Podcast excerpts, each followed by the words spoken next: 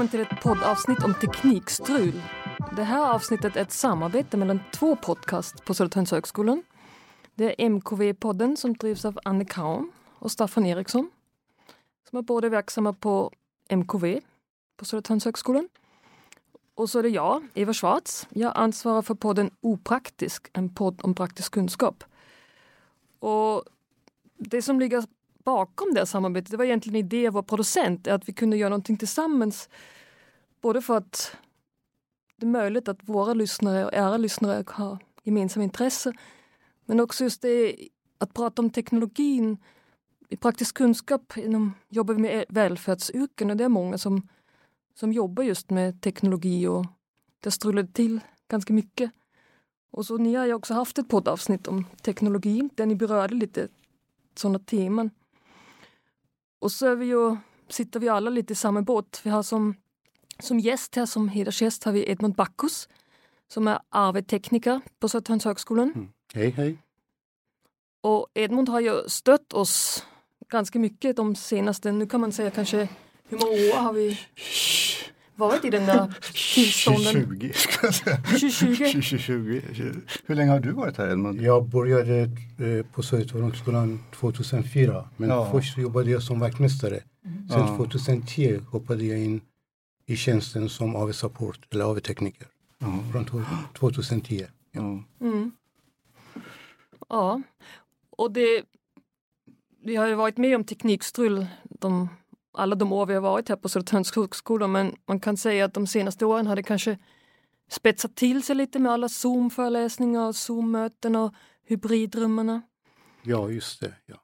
Så det har blivit kanske lite mer teknikstrul? Eh, teknikstrul har det blivit lite mer, lite grann beroende på att man har börjat använda hybridteknik för Zoom-undervisning.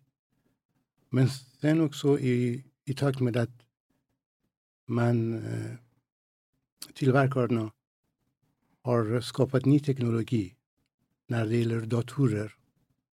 Många datorer har blivit mycket avancerade för vissa av eh, eh tekniken som finns i salar. Mm. ibland har vi lite problem med att få en bra kommunikation mellan dator och en projektor. Mm. Och så ett gemensamt intresse som vi har lite, eh, kanske Staffan och Anne och vi på Centrum för praktisk kunskap är just det att man tillnärmar sig frågor just utifrån ett perspektiv av misslyckande eller strul. Att man tänker sig när tekniken strular eller någonting går snett på sin arbetsplats, att det är då intressanta frågor eller intressanta dimensioner av arbetet eller teknologi och medier kan uppstå. Mm. Precis, men eller att det då uppstår först att man märker och upptäcker hur beroende man är på teknologi när det inte fungerar. För annars så rör vi oss ju, den är ju, tekniken, teknologi, det är ju en del av vårt vardagsliv eh, på många sätt och vis. Men när den inte fungerar, när vi inte har uppkoppling, när projektorn och datorn inte kommunicerar med varandra, då fattar vi ju hur beroende vi är på det. Och då mm. växte ju massa med känslor och stress när det just blev strul. Så därför är det väl också ganska intressant att prata om det. Jo, absolut. Jag kan också... Äh, det kanske är bra äh, äh, punkt att berätta att i början fanns det inte så mycket teknik i, i skolan. Det var inte så många salar som var, hade projektor. Och föreläsare brukade komma i salar med sina stenciler och visa stencilerna på apparater. Och man hade också en stor filmduk. Man projicerade bilden från överheadapparater till filmduken. Och på så sätt föreläsarna gjorde sin undervisning. Mm. Så det var inte så mycket teknikstrull Nej. Det, det, värsta som, det värsta som kunde hända då var att lampan i overheadmaskinen var trasig. Just det, ja, det, det, var, det var jobbigt. Då fick man ringa eller gå. Ja. Men det var liksom det enda som hände i en föreläsningssal. Ja. Det var många föreläsare som, det finns också många föreläsare fortfarande som helst vill använda overheadapparater. De säger att vi har koll på tekniken. Det är inte så att powerpointen lägger av sig eller datorn mm. hänger sig. kan kontrollera overhead-apparaten. Och eh, ja, i Stefan, i många av eh, overhead-apparater finns två stycken lampor, mm. en reservlampa. Så man, det finns också en eh, stake som man drar staken åt vänster just och höger. Just det. Och man kan använda den lampa som fungerar. Mm. Men även overhead-apparater som du ser hade lite problem. Lampan mm. gick sönder eller det blev överhettad. Och säkringen gick av och man måste vänta till exempel 10-15 minuter innan mm. den kylade ner sig. Vi kanske tenderar lite till en romantisering av den tiden där vi inte satt i våra Zoom-rum och allting, att vi tänker det var bättre förr. Vi pratade lite i, i försnacket för den här podden om att vi skulle börja med att berätta lite om några exempel av teknikstrul som vi har, vi har upplevt. Mm. Som, för att inleda lite det med ah, vad som kan hända under en sån situation. Anne, vill du börja? Ja, men jag kan börja. Och jag tror en sak som vi också tänkte på med våra exempel är just att uh, visa hur det kan vara produktivt med teknikstrul. När någonting nytt kan uppstå i felet som uppstår. Uh, och mitt exempel är då att um, jag brukar åka på så skrivläger med några vänner över en helg eller tre, fyra dagar. Och det är alltid någonting som jag ser väldigt mycket fram emot. Så det är en höjdpunkt för mig uh, många gånger som jag kanske inleder en termin med eller avslutar en termin med. Men i alla fall, så det är massor med förhoppningar på produktiv skrivtid i eh, fin sällskap. Och nu har det hänt två gånger faktiskt att jag kommer fram sätter på datorn och datorn lägger av. Så jag kan inte skriva.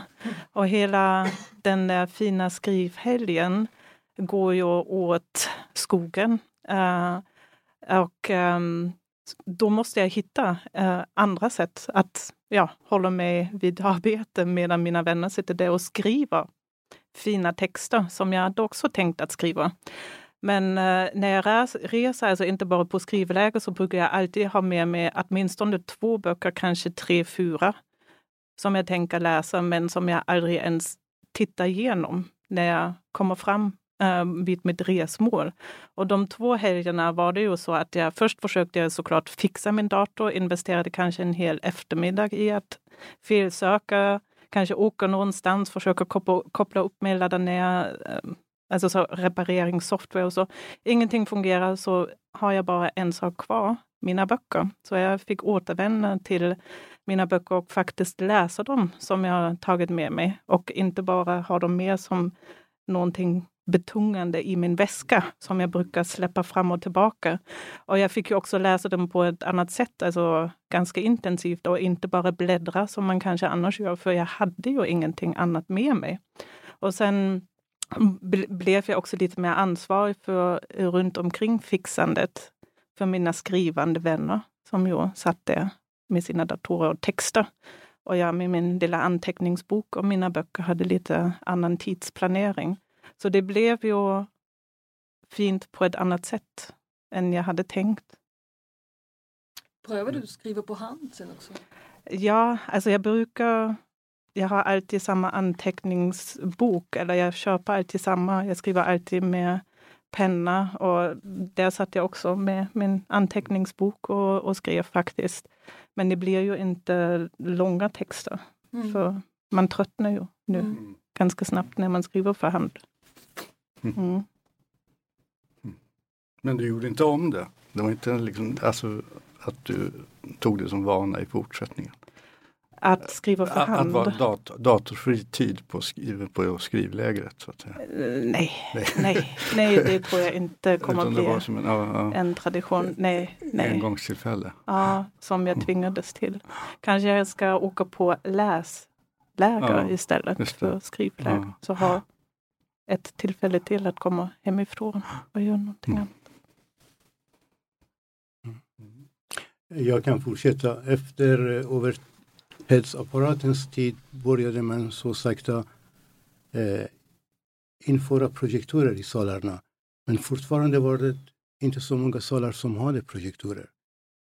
Så föreläsare brukade komma med sin laptop. Vi brukade gå och koppla laptopen till datorns genom en VGA-kabel. Då var det VGA-kabel som var ett utbredd standard. Mm. Just det. Och ibland kom också föreläsare som Staffan, de ville, ha, de ville visa material från videokassetter eller från DVD-skivor. Mm. Så vi gick och hämtade en vagn, en stor vagn som hade en stor tv och på hyllan under fanns en DVD-spelare och, och eller en videobandspelare. Och man kunde på så sätt också visa material som inte var tillgängligt på ett annat sätt till studenterna. Mm. Och jag vet att Stefan kan berätta lite. Mm. Stefan. Jo, alltså det var, jag plågar ju dig med, dig med det här i flera år. Alltså, eh, för att eh, i medieämnet så hade man en del sådana material, till exempel tv från 60-talet och musikvideo från 80-talet som vissa föreläsningar och så byggde på. Och de var helt enkelt, eh, det gick inte att få tag på dem digitalt. De var, de, jag försökte alltid liksom slippa problemet genom att ladda ner det på något sätt men det gick inte av copyright-skäl. Så, så hade jag de här VHS-kassetterna. Och så stod de där stora racksen med VHS och det stod ju inne i föreläsningssalen. Men med en viss punkt skulle allt bli digitalt så att då kunde man liksom inte använda det där. Så fick vi hitta på varenda termin sätt att komma runt det där. Så att man liksom kunde visa det. Sen vill jag på slutet gjorde jag nästan till en slags poäng också under föreläsningen att jag just kör, körde overhead och VHS när jag talade om 80-talet. Alltså man kunde liksom prata om tekniken ihop med att man använde den te tekniken. Men du var ju en väldig hjälp där. Jag, jag tyckte det var så idiotiskt att den här dyra utrustningen stod där och det inte gick att använda. Uh, men nu har jag till slut uh, digitaliserat det så jag kommer aldrig mer att plåga dig med VHS-kassett. Jag kommer ihåg att du hade köpt en liten grej, ja, en gadget från en sån här Jag köpte mycket grejer också för att försöka ordna det själv. Det gick ju inte. För de som inte känner till den här grejen som vi pratar om, det är en liten eh, elektronisk enhet som sitter mellan dator och en videobandspelare. Man stoppar sin videokassett och sen man också har ett speciellt programvara som installerar på dator och sen man trycker på play-knappen på videobandspelaren och video spelas upp och signalerna från video går in i dator och spelas på hårddisken på ett digitalt sätt. Så man kan ha den där inspelade materialet som på ett USB-minne mm. eller på en DVD-skiva på vad som helst. Mm. Så man inte behöver vara beroende av en videobandspelare. Mm. Fast jag vet att det här är en mycket dyr affär. Mm. Eh, mm. Jo, för som en eh, liten skoj kan jag berätta att när jag gifte mig år 1991 mitt bröllop blev filmat med en eh, på ett videobandkassett. Mm. Och nu efter många år tänkte jag gå och digitalisera den. Men de där affärerna i Stockholm som gör det, de, de tar 2000 kronor mm. per timme. Oj. Mm. Och bröllopet varade i sex timmar. Så. det är det värt. ja, men det är värt, absolut. Det, är värt. det blev av också. Det blev av som en present, absolut. Men ja. ett problem med VHS var ju också att det till skillnad från det digitala, alltså det är en teknologi som åldras, bandet slits. Så att bandet blev ju sämre och sämre varje gång jag spelade upp det där. Sämre och sämre ljud och liksom flammiga bilder och sådär. Mm. Uh, alltså det är inte en sån där teknik som är binär, så här, antingen funkar det eller funkar det inte. Utan den funkar halvbra. Mm. liksom, och, och, hoppar och sladdar och sådär. Liksom. Men, Jo, absolut. Just det. Just angående det här. Jag fick veta att många sådana här eh, fotoaffärer som säger att de tar emot och digitaliserar en videobandkassett. De gör lite fusk också, bara för mm. de som lyssnar till den här podden och tänker göra samma sak. Vissa affärer tar en videobandkassett och stoppar den i en gammal videospelare. Mm och eh, kopierar den till en, en annan enhet. Det är bra, fast videobandspelaren måste vara av mycket bra kvalitet. Vissa stoppar videokassetten i en vanlig videokamera mm. och sen kopplar videokamerans output till en dator. Det är kanske inte så bra, mindre mm. mm. Och där har du ju gjort någonting som du alltid gör, också med oss när vi har teknikstrul i föreläsningssalarna. Att det är så lugnt att förklara vad det beror på, så att man lugnar ner sig. För en sak som är så typiskt med teknikstrul är ju att man, man, känner, man känner det i hela kroppen när man står där framför 60 studenter, ska föreläsa och svetten börjar rinna för de bilderna, de kommer inte upp. Men sen kommer Edmund och då blir man lugnt och stressen bara är borta. För du bara säger, men det är den här adaptern, det är emellan datorn och eh, projektorn. Så det är därför. Det är lugnt. Så det var ett fint exempel på hur, hur du gör med oss här. Så ja. det är ju inte bara att du kommer och fixar tekniken, det är ju mycket mer. Ja, tack. Mm. tack. Och det, vi pratade också om det att, att det just som du säger Anne med, med, med känslorna, så att, att det är någonting, det kan vara både positivt i ditt fall att teknikstunden ledde till att du, du kunde göra något annat med ditt arbete. Men att en anledning varför vi, vi vill att du är med, att just att att du är en person här på högskolan som möter oss alltid, känner jag, i de värsta möjliga tillstånd. I, där vi är kanske lite stressat och behöver hjälp. Så jag, jag, vill, jag är intresserad av hur, att berätta, hur du ser på ditt arbete utifrån ditt perspektiv. Du sa själv att du, vi pratade lite om det med stress och så vidare. Hur, hur upplever du oss i de situationerna?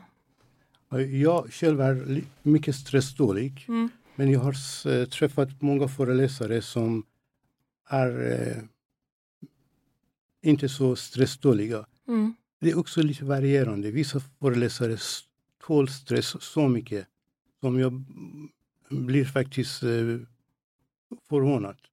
Till exempel det händer att eh, jag går till salen och projektorn inte fungerar. Jag försöker göra de tricks som jag vet för att kunna få bild från projektor och ändå den inte fungerar. Och jag brukar alltid säga till föreläsare, tala om föreläsare att hej, det här kommer att ta tid. 20 sekunder, 50 sekunder, en minut.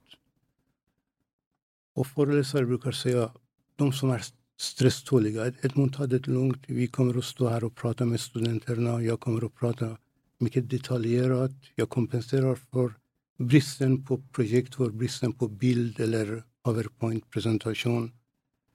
Och de börjar prata och medan jag jobbar, jag gör min felsökning. Ibland ser jag att föreläsaren står där som om ingenting har hänt. Han är inte beroende på den här powerpointen eller den här eh, materialet som han har förberett. Mm. Men vissa andra tyvärr, eh, på minsta tecken visar de stress.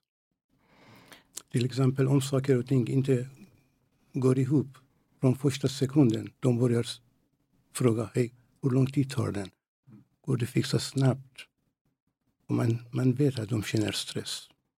Och det är också mycket förståeligt eftersom det är många föreläsare som lägger tid för att förbereda en bra undervisning. Och de vill inte att undervisningen inte blir av någonting av det bara för att projektor eller tekniken inte fungerar. Mm. Så du har utvecklat lite dina egna strategier också att handskas med andras stress. En sak jag tänkte på att du känner nästan alla namn på högskolan. Jag vet inte men du, vi pratade lite om det att nu när man träffar dig på en korridor någon gång på väg någonstans och du är någonstans, då, då säger du alltid hej Eva. Är det, hur många, känner du alla på namnen? På nu, nu har jag gått upp i ålder så jag kan inte säga exakt hur många namn som jag kan komma ihåg men förut var det mycket lättare för mig att komma ihåg namn. Ja. Och speciellt att komma ihåg namnen, det var också ett bra sätt att skapa ett sån här mycket mer personligt band med varje människa. Eftersom det är inte så att man bara går på gatan och träffar en människa en gång och sen glömmer honom eller henne. På år måste vi, eller inte måste, men vi träffas ofta. Så det är bra om man har en sån här bra eh, kontakt med varandra. Och första länken till en bra kont kontakt skapas, tycker jag, när man säger namnet på personen. Om jag säger hej eller om jag säger hej Staffan, Staffan känner skillnaden. Aha. Så det är bra att säga namnen. Mm. Och jag tror det är många som har lagt märke till det, att det är just um, du som kommer ihåg alla namn. Alltså att det Uh, att det uppskattas verkligen och att det fungerar. Att det um, hjälper till att känna lugnet i stressen när någonting går, går Mm. fel. Um, men ska vi fortsätta Mm. med några exempel? Mm.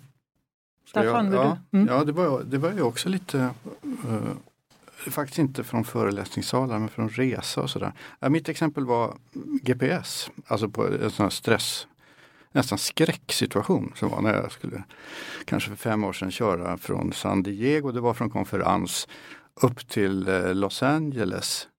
Eh, och jag har aldrig kört i Kalifornien, så jag har kört en del i USA. Och jag hade vant mig med det där att man har en GPS, så att det funkar. Liksom. Man har bara en adress och så kör man så är man framme.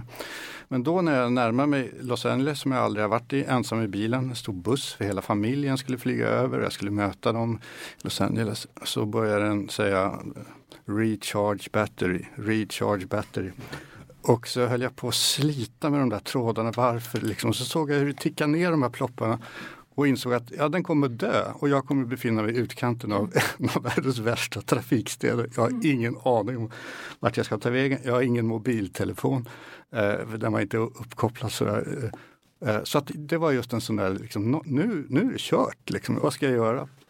Eh, så det var liksom fem sex minuter av riktigt sån där, eh, ja, det, här binära blir noll, liksom. ingenting funkar och jag har inget, jag kan inte ta mig ur den här situationen. Eh, jag vet inte vad jag ska göra.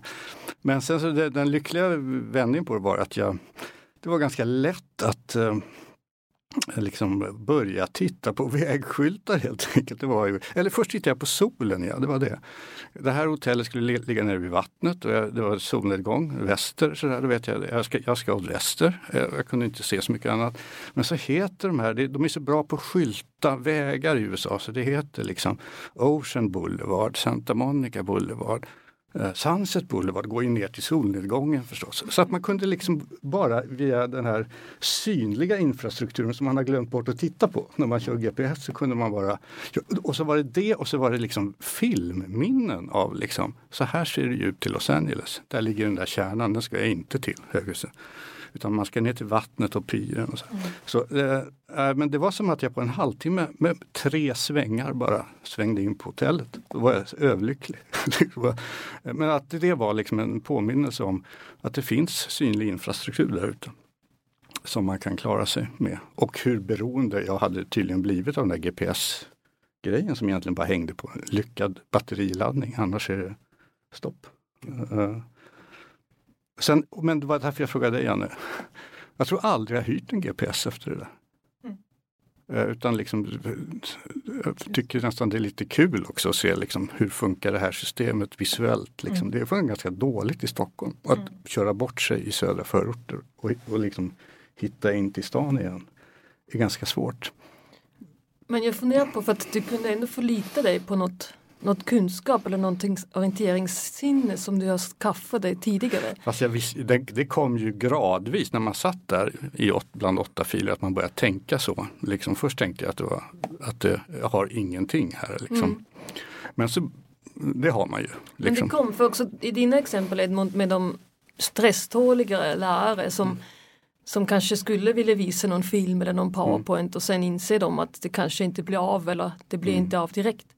Att de sen kan förlita sig på att det går ju fortfarande att prata med studenterna. Så. Mm. Men hur är det med den generationen som inte har skaffat sig de där tidigare kunskap som enbart som är så vana vid powerpoint-föreläsningar eller GPS eller så. Kan du se någon skillnad då? Ja, mellan... ja det, det är lite olika. Eh, om jag ser att eh, två minuter har gått och systemet inte kommer att fungera och föreläsaren inte kan komma igång med sin presentation, då brukar jag säga jag kan gå och hämta en annan utrustning. Eller jag brukar också fråga föreläsaren, hej, kan du fråga studenterna om de har en dator som de, de kan låna till oss?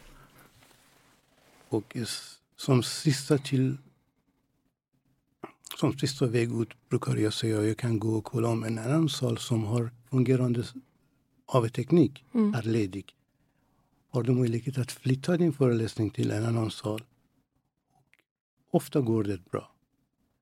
Men som du säger, vissa föreläsare inte är så stresståliga och eh, ja, man, jag försöker, även om jag ibland eh, innerst inne börjar bli stressad. Jag försöker inte visa att jag är stressad bara för att göra den andra föreläsaren lite lugnare. Men som du säger, det, det är lite olika. Det är just den här stresstålighetsförmågan, det är lite olika hos olika människor.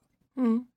Det kan ju också bero på att man blir osäker för det blir någon slags okänd situation. Man känner sig mm. ensam ute där med sina studenter utan sina powerpoint slides. Det blir lite jag tänker att teknologin kan ju också vara någonting som har som en trygg, någon trygg grej mellan sig och människorna.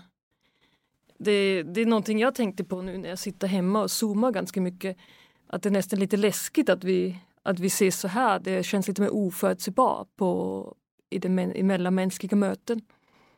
Jag hade så ett exempel av, av teknikstrul som var ju att jag funderar mycket kring hur man ska överhuvudtaget skapa gemenskap vid såna, alltså via Zoom och allt det där.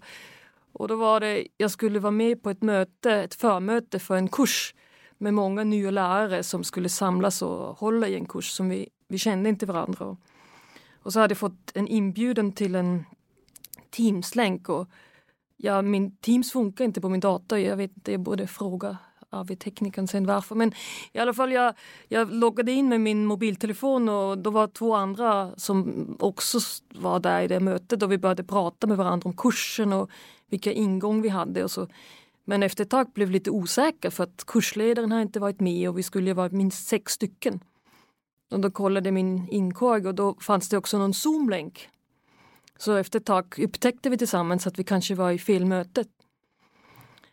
Men så, så växlade vi till det andra mötet då vi hjälpte också varandra för det var en som var inte så van med teknik och hur man kommer in i det mötet.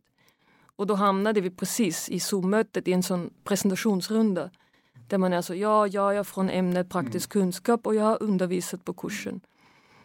Och det var ju ganska drögt. Men eftersom vi tre andra har varit i det andra rummet så hade vi lärt känna varandra på ett helt annat sätt och har kunnat bekanta oss med varandra och våra forskningsämnen men också lite mer som personer, vilka vi var och att vi skrattade tillsammans. Och det gjorde ju att det blev något, det blev något helt annat möte. Vi kunde ta det därifrån och referera till varandra. Så det är väl ett vardagligt exempel men för mig var det en liksom fin erfarenhet också att man kunde i den där, ja, att man satt i fel mötet, ja, lära känna varandra just i den stunden av, av stress. Och, det kanske inte så stressigt men det var med att ja, att vi hade hamnat fel. Det är lite så. Så det, det tänker jag att det var lite den ingångsgrejen att man, att man som i ditt exempel där, Anne med att du började se på ditt arbete eller dina böcker på ett annat sätt. Att vi kanske behöver teknikstrulen, vi behöver ett avbrytande i, denna, i det välfungerande för att kunna vara tillsammans eller vara kreativ eller göra någonting mer meningsfullt än att bara fungera. Mm. Nu håller jag faktiskt med dig. Jag, du ville säga någonting, eller? Jag, I början, när jag fick läsa den här texten, det här, eh, trodde jag att allting, när man pratar om teknikstrul, ska allting handla om teknik i den allmänna bemärkelsen. Men sen vi pratade om kläder, trasiga kläder, trasiga människor. Vi kanske kan utveckla det lite grann.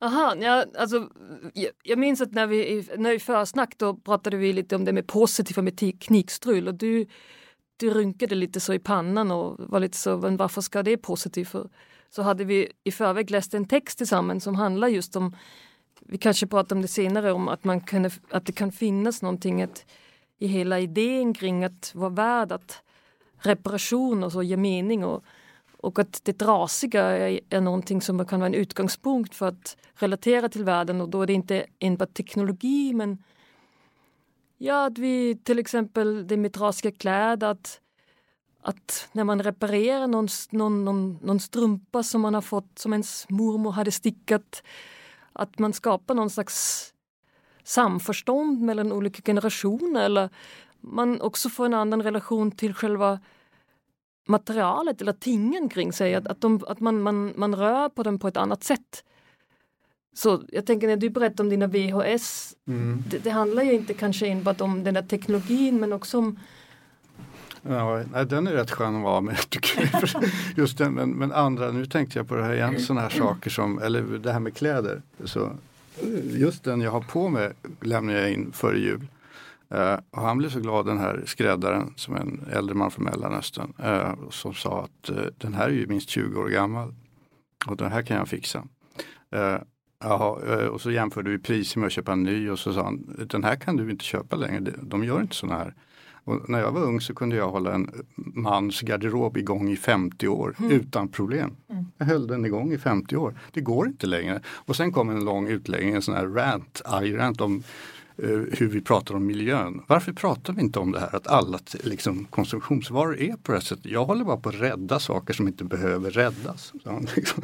Men om alla köp frågade så här, liksom, eller visste vad de handlade då skulle jag kunna vara en reparatör liksom som på riktigt. Då. Och just det där vårt förhållande till konsumtionsvaror. Vi talar också om de här datorerna, som, alltså Macar och så, som blir allt mer irreparabla som laptops.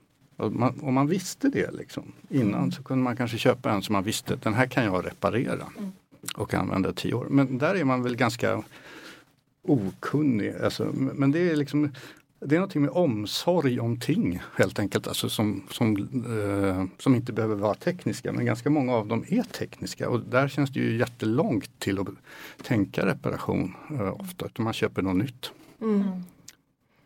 Nej, jag har oftast långa diskussioner då med min mamma om sånt för att hon, hon, är, så, hon är född direkt vid slutet av andra världskriget och det fanns inget och för henne mm. Finns det stycke, mycket värde i att ta hand om saker. Hon har fortfarande som van att skriva på baksidan av alla pappren eller hon tycker det är slöseri om man skriver med stora bokstäver på ett papper. Då jag, jag, jag tänker på what? Det, det, spelar väl ingen roll. Men att jag tänker det är en generationsfråga. Det, att jag är ganska van vid att det finns saker och ting och sen går de sönder och så skapar man nya grejer. Så jag tänker mig, apropå den där repair-tanken, att det är någonting som är extremt aktuell och vi måste, mm. vi, vi, vi måste förhålla oss till det på något sätt. Precis.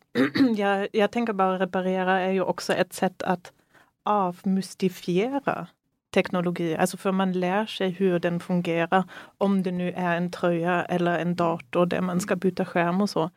Och det är inte någonting magiskt som bara dyker upp hemma och sen försvinner den när den är trasig. Men på något sätt närmar sig själva tinget på ett annat sätt. Uh, och det blir mindre magiskt, det blir ganska vardagligt på ett sätt. När man själv kan ta hand om den. Uh, så. Men ska, jag kan ju säga någonting om den där mm. texten som mm. nu har mm. dykt upp lite här och där. texten. Uh, texten. Ja avmystifiera den. Eh, det är en text som heter just Rethinking Repair och är skriven av Steven Jackson som är en um, forskare inom vad som kallas för STS, Science Technology Studies. Och det som han introducerade, som har blivit ganska stort inom just STS, är att uh, tänka och um, highlighta repair, alltså att reparera. Att man just när man tänker teknologi inte understryka innovation, tänka nytt och revolutionera, hitta på nya grejer, men tvärtom försöka se okej, okay, hur kan, hur, vad behövs det till att upprätthålla teknisk infrastruktur som vi inte alltid tänker på? Alltså inte bara att skapa ny infrastruktur men också att upprätthålla den som, som finns redan. Och just det är det ett sätt att försöka få oss bli medvetna om det, att tänka um, trasighet. Och det är vad han kallar för broken world thinking. Och sen de praktikerna som uppstår runt om det. När någonting går sönder, vad händer då? Ja, vi försöker reparera det på ett sätt Uh, och då är det å ena sidan de praktikerna men också de olika jobben som sysslar just med att reparera. Och du är ju en sån representant för det du är ju en, en slags osynlig infrastrukturarbetare som går runt i korridorerna på Södertörn som alla bara är så glada att du finns, för vi behöver ju dig. Annars så funkar det inte i föreläsningssalen och vår undervisningsstrul och så vidare. Men samtidigt är det ju kanske inte så många utanför Södertörn som just vet vem du är, fast du är så grundläggande för vår undervisningsinfrastruktur. Och därför tänkte vi att den här texten är ett bra sätt att prata om dig och ditt jobb och mm, hur du hjälper oss uh, med att reparera teknikstrul i föreläsningssalarna. Mm. Och underhålla också, liksom, mm. inte bara reparera mm. utan liksom det som han kallar väl för maintenance, alltså mm. det där att man tar hand om grejer löpande. Uh, Tack så mycket Andrew. Jag tycker att du tillskriver mig mycket stora poänger. Jag, du upphöjer mig lite mer. ja, tack. Men vi har tagit med, eller du har tagit med ett citat mm -hmm. som vi har gömt i den där experten i lådan. Eller, så vi kan öppna den här lådan. Därför ni som har bara lyssnat på MKV-podden är det en ny inslag. Men då öppnar vi i lådan och uh, kanske jag kan läsa citatet. Mm. Okej. Okay. Här finns det mycket tyskbrytning idag i den där podden men 50 tyskbrytning, det, det går bra. Framför allt är att reparera en efterdyning som växer fram i marginalerna, brytpunkterna och mellanrummen i komplexa sociotekniska system när det knarrar och böjer sig genom tiden. Att reparera fyller ögonblick av hopp och rädsla där broar från gamla till nya världar byggs och kontinuerligt av ordning, värde och mening vävs, en svag tråd i taget. Och att reparera gör att allt detta tyst, ödmjukt och hela tiden. Jag personligen tycker att man måste läsa den, i alla fall jag som inte är en akademiker. Jag måste läsa den flera gånger bara för att så småningom sakta, sakta förstå meningen. Men när jag pratade med dig när ni förklarade bra, då jag fick en bra uppfattning faktiskt av det hela. Som jag sa tidigare, jag undrade varför den här mannen eh, har skrivit så abstrakt om teknik, strul och om repair. Jag trodde att repair handlar bara om mekanisk repair eller teknik repair. Men eh, till exempel Eva pratade om trasiga människor. De också behöver repar att bli repaired. Mm. Just det, det var jätteintressant faktiskt. Trasiga människor. Jag tänkte utgångspunkten i den här texten om jag förstod det rätt är ju att det, det trasiga är med utgångspunkten för allting och inte tvärtom att vi lever i den där uh, infrastrukturvärlden där allt är superbra så ibland uppstår fel. Men att det är snarare felet som är standard och sen försöker vi uh, säger man på tyska, på svenska, ja, man halkar sig fram eller vi lever vidare det och bygger upp och så. Och det tänkte jag på trasiga människor för att jag tänker att om man är öppet med det, med trasigheten, då vi är alla mer eller mindre trasiga och behov av liksom den där lagningen. Och det är en stor del av mellanmänsklig kommunikation handlar också om att laga missförstånd och skapa förståelse. Och eh, ditt arbete med att, att, att hjälpa till i en situation där, man miss, alltså där det finns ett stort äh, eh, stor problem att folk inte komma, kan komma i kontakt med varandra. Till exempel när någon, någon professor sitter i USA och ska, ska vara opponent för någon avhandling och det är extremt stor spänning. Det är mycket som är, står på spel för alla inblandade som kan leda till ja, kanske trauma är stora, stora ord men att, det, kan, att, att det, det, är mycket som står på spel. Någon har skrivit många år på sin avhandling och nu är det dags att, att prata med den där stora professorn som har bjudits in. Så jag tänker mig det, det som han kallar det, jag tolkar det med som han kallar för sociotekniska system.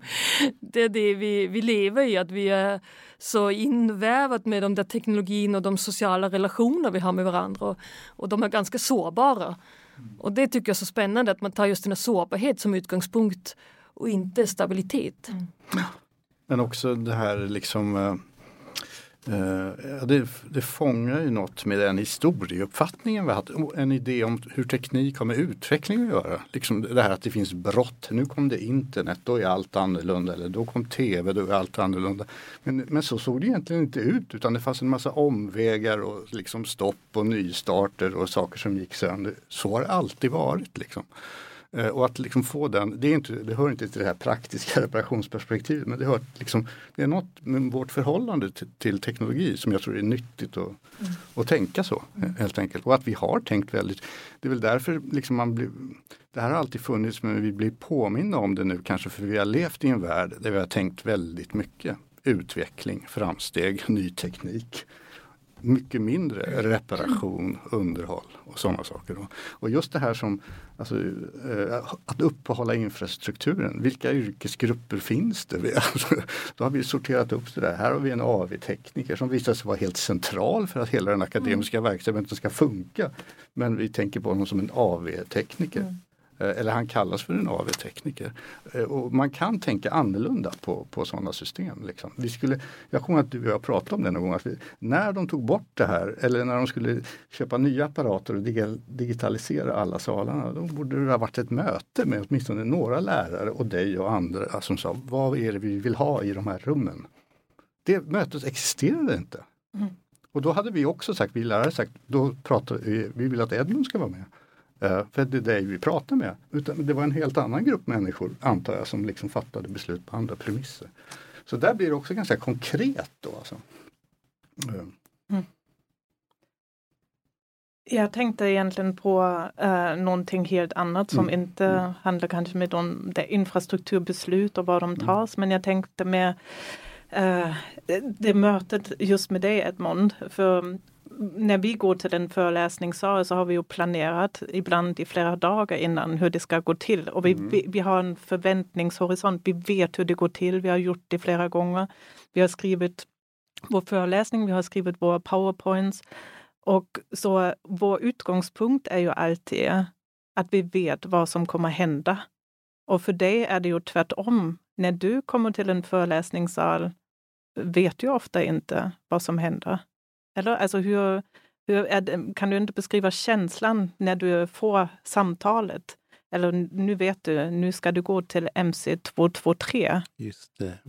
Uh, vad tänker du på vägen dit? Ja, i, som du ser, eh, många gånger vet jag till exempel att den här salen som Ann ska föreläsa i, den har kanske lite teknikstrul. Så det kommer att ta ett par minuter extra att fixa den.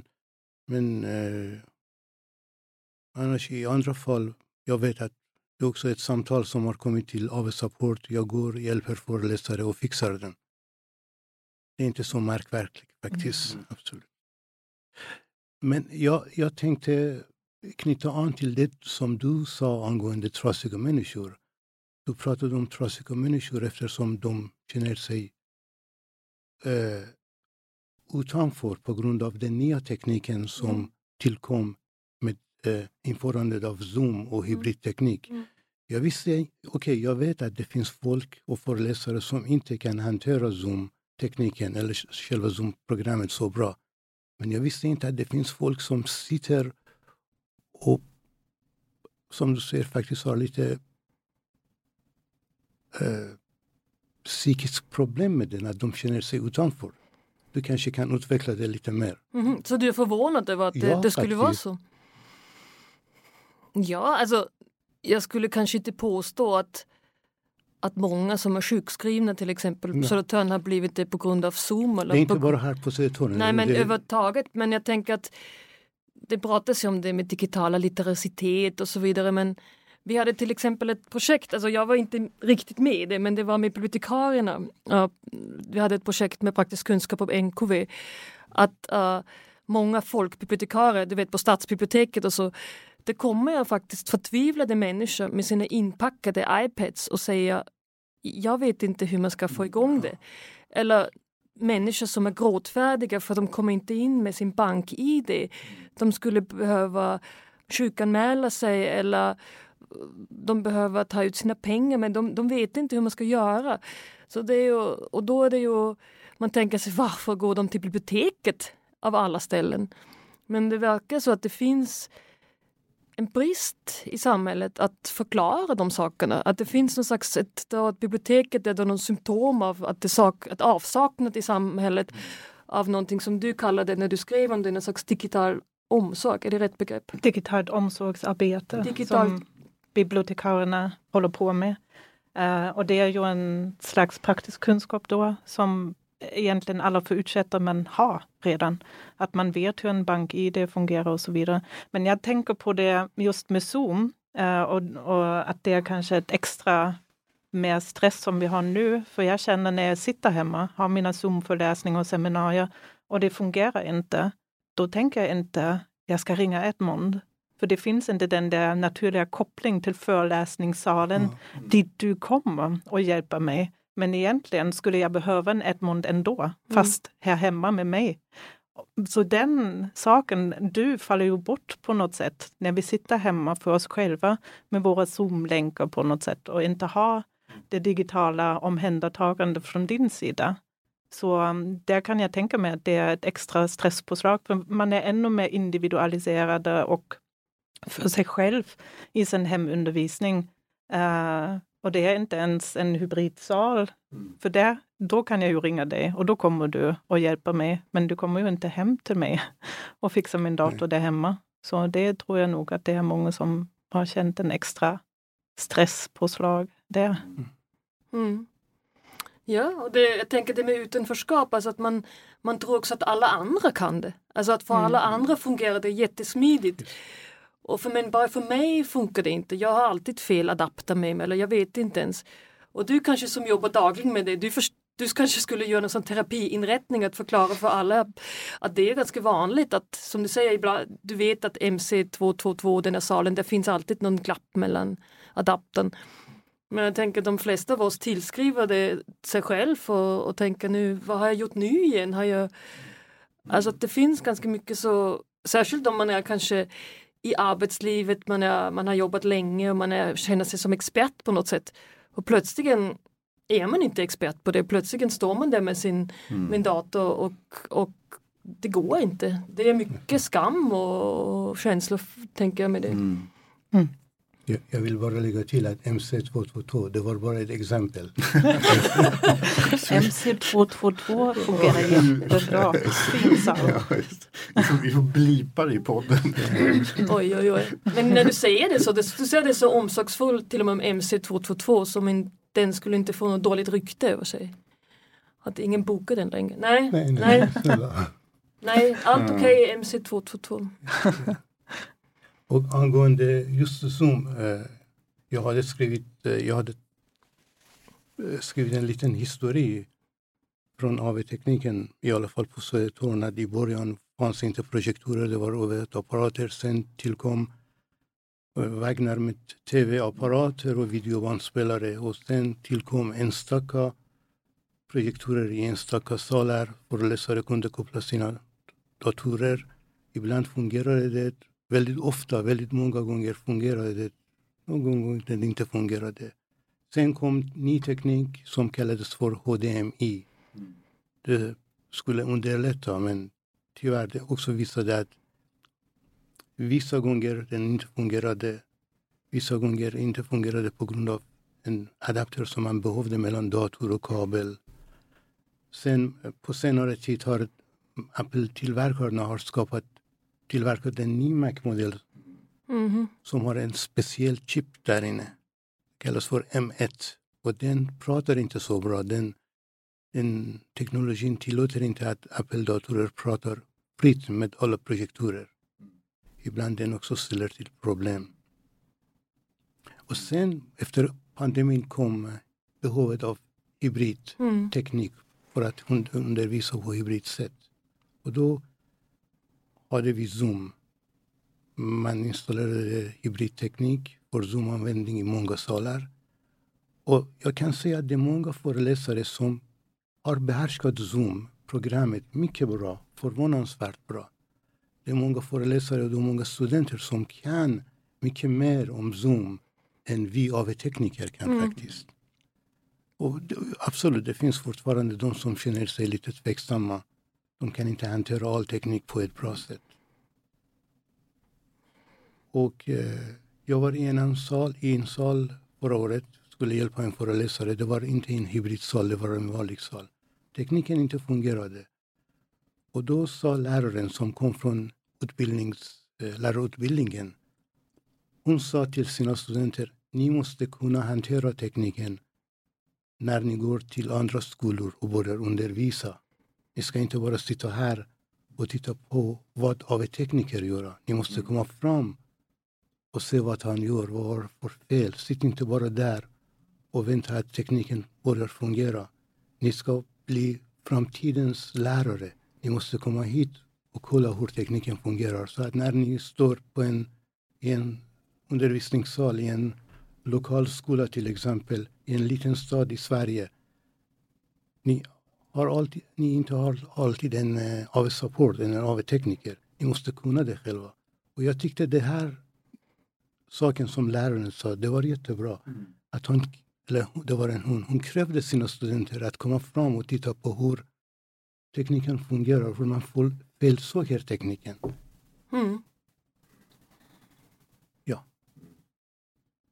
Mm. Fast vi alla skulle kunna behöva en Edmond lite ja, här och där som vi kan ringa upp. Tack, som kommer att hjälpa till. Tack.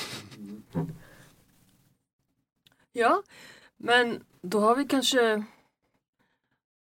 kommit fram till några saker. Edmund var lite orolig att vi skulle inte ha komma fram till någon bra där alla trådarna ska hänga ihop. Är du nöjd? Vad tror du? Jag är nöjd, men jag, jag kan tänka mig att folk som sitter och lyssnar på den podden och de, vi har pratat om många olika saker, mm. men jag vet inte om vi har knutit Nej. allting. Nej. Jag tänker om jag får sammanfatta lite grann vad jag hörde här. Då var det att, det, att å ena sidan finns det någon slags behov av tekniken och vi är alla väldigt beroende av det. Och vi har också blivit alla mer och mer kunniga under tiden. Har, ja, har skaffat oss olika kunskap. Det var det ena kanske vi pratade om. Och att det finns en historik också från olika det är inte så ja, vad, man bo, vad man har jobbat med från VHS till projektorn och, och Zoom och så vidare. Och det kommer nya saker nu framöver så det, den här historien är inte över alls. Men sen har vi också pratat om det som i den här texten kallas det socioteknologiska, att det är mycket mer än bara teknologin, det är vi människor som är involverade i det och våra, våra känslor och relationer och allt det där och att det finns någon och att det är inte bara någon biverk av hela denna teknologianverkning men det är, det är det oftast att teknologin egentligen är rambetingelse för att, att mötena tillstånd kommer, att man kan prata med varandra, att man, ja, man har, man har ett, ett bra samtal och, bra, och då finns det ett behov både av stöd som du ger i form av att stoppa in rätt sladdarna med någonting som vi kallade, då, du kallade det med den här um, care-perspektiven, omsorgsperspektiv. Att eftersom det är så, så in, in och vävt med varandra så räcker det inte bara att stoppa in sladden men mm. ibland måste man också säga det, det löser sig. Det är lugnt. Vänta två minuter, jag ska göra mina tricks som du säger och då, då blir det bra. Och det är inte bara någon bisak som man ibland diskuterar som en slags, ja den där care-perspektivet som är liksom som marsipan på tårtan men det kan vara liksom själva kärnan i det. Det är det man kommer ihåg sen när man lämnat den där disputationen eller man lämnar det seminariet, att det har gått bra. Och vi har, jag har fört kanske ett samtal med någon som jag inte har gjort tidigare. Eller jag, så det, att det finns det där etiska perspektiv och det etiska är inte enbart någon slags biproblem men det är själva grunden till varför vi håller på med teknologin. Att du ville hämta din familj på flygplatsen och du ville träffa dina kompisar och skriva någonting och jag skulle ha den där kursen tillsammans. Ibland glömmer det att det, det handlar egentligen om att man ska göra det. Så det hoppas jag att kanske de som lyssnade på fick med sig. Och sen hade du någon idé att man kanske, ni där ute som lyssnar, ni kanske kan skicka in eller eh, uh, höra av er till oss med era erfarenheter av lagna eller reparation eller att skapa eller förbättra uh, i situationer där teknologin är på plats. För att det som jag också fick med när jag läste den här texten och så vidare, att det är verkligen det vi måste tänka på nu. Hur vi fortsättningsvis gör med de sprickor och, och problem mm. som, som uppstår hela tiden och vad vi gör med de trasiga mobiltelefonerna och alla ja. resurserna som inte är oändliga. Det, det finns ju en uh, möjlighet, tänkte jag nu när, när, när jag läste texten, att det, alltså det är en slags krav på oss, också någon slags moraliskt krav på mm. oss, det här med omsorg. Att det där kan ju också liksom kanske slå över i skam, eh, alltså typ flygskam. alltså, man, när ska man känna dåligt samvete för man inte köper den där reparabla mm. saken eller liksom tar hand om det här. Så den diskussionen har, har väl knappt kommit igång. Alltså. Jag, kom, jag kunde ha sånt där på, på landet på Gotland, att eh, bönder som levde omkring mig. Alltså, de, vid fyra när det blev mörkt, då gick de in i sin bod och höll på, alltså, eh, redskapsvård. Alltså, eh, motorsågen, smörja, spaden och sånt där. Liksom. Så hade mm. de samma grejer i 20 år. Mm. Ja, det var bara slit och sen. Det kände mm. jag skam för, att jag mm. liksom inte tog hand om mina grejer. Mm. Och skulle man ta upp det till tekniken så kunna bli mm. ännu värre. Nej, ännu svårare och det måste ju finnas gränser där för liksom vad vi kan, vi mitt, kan ju mitt ha, ansvar för det här. Ja, man kan ju ha ett slags upprop till våra lyssnare att försöka reparera någonting ja, istället för att slänga. Ja, och sen tänk på den erfarenheten. Ja. Sen tänkte jag också på det där med brytning, tyska brytning. Om man tar tyska ordet vatten, vatten, alltså reparera, så är det både att vänta Just. och att reparera. Det är mm. ju ett ord. Mm. Alltså det har ju också en tidsaspekt, mm. att det förlänger, att det mm. kanske tänjer mm. tiden på något mm. sätt. Så ja, det, det är intressant att försöka då reparera något, våra kära lyssnare. Uh, men alltså, det här har ju varit en blandning av MKV-podden och opraktisk och vi har haft den där experten i lådan som en sak från Opraktisk-podden. Vi ska avsluta med en sak som är från MKV-podden, för vi frågar alltid våra gäster efter en låt som på något sätt representerar ämnet som vi har pratat om. Så Edmund, vilken låt skulle du önska dig som vi spelar för dig idag? Som presenterar ämnet som vi pratade om? Ja, eller en låt som du gärna vill vi spela. Aha. Det är inte så svårt för min del. Men jag tänkte på en sak. Vi har pratat så mycket om den här texten. Vill du lägga ut texten på intranätet eller eh, den här Steven Jacobson? Vi kan länka till texten när vi lägger ut uh, våra mm. avsnitt. Det är en bra idé. Mm. Jättebra. Mm. Nu får du säga låten. Låten, ja. När jag var barn, yngre, mycket yngre, brukade jag lyssna på Peggy Lee. Och en låt som jag tyckte så mycket om och fortfarande tycker mycket om är I like the way you are breaking my heart.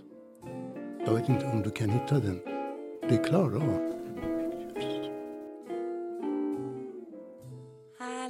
Då avslutar vi med Peggy Lee. I like the way you break you my, breaking my heart. You're breaking my heart. Mm. Tack att du var med. Ja, tack så mycket själva för att bjuda in mig. Tack.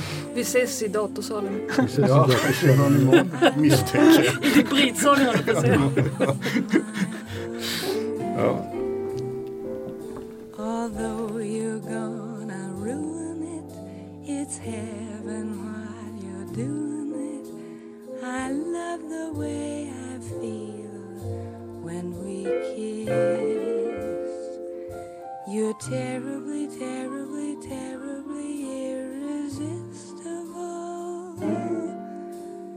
side of me lie to me. You really know how it's gonna hurt tomorrow, but it feels so good now. So, darling, just keep playing your part. Cause I love the way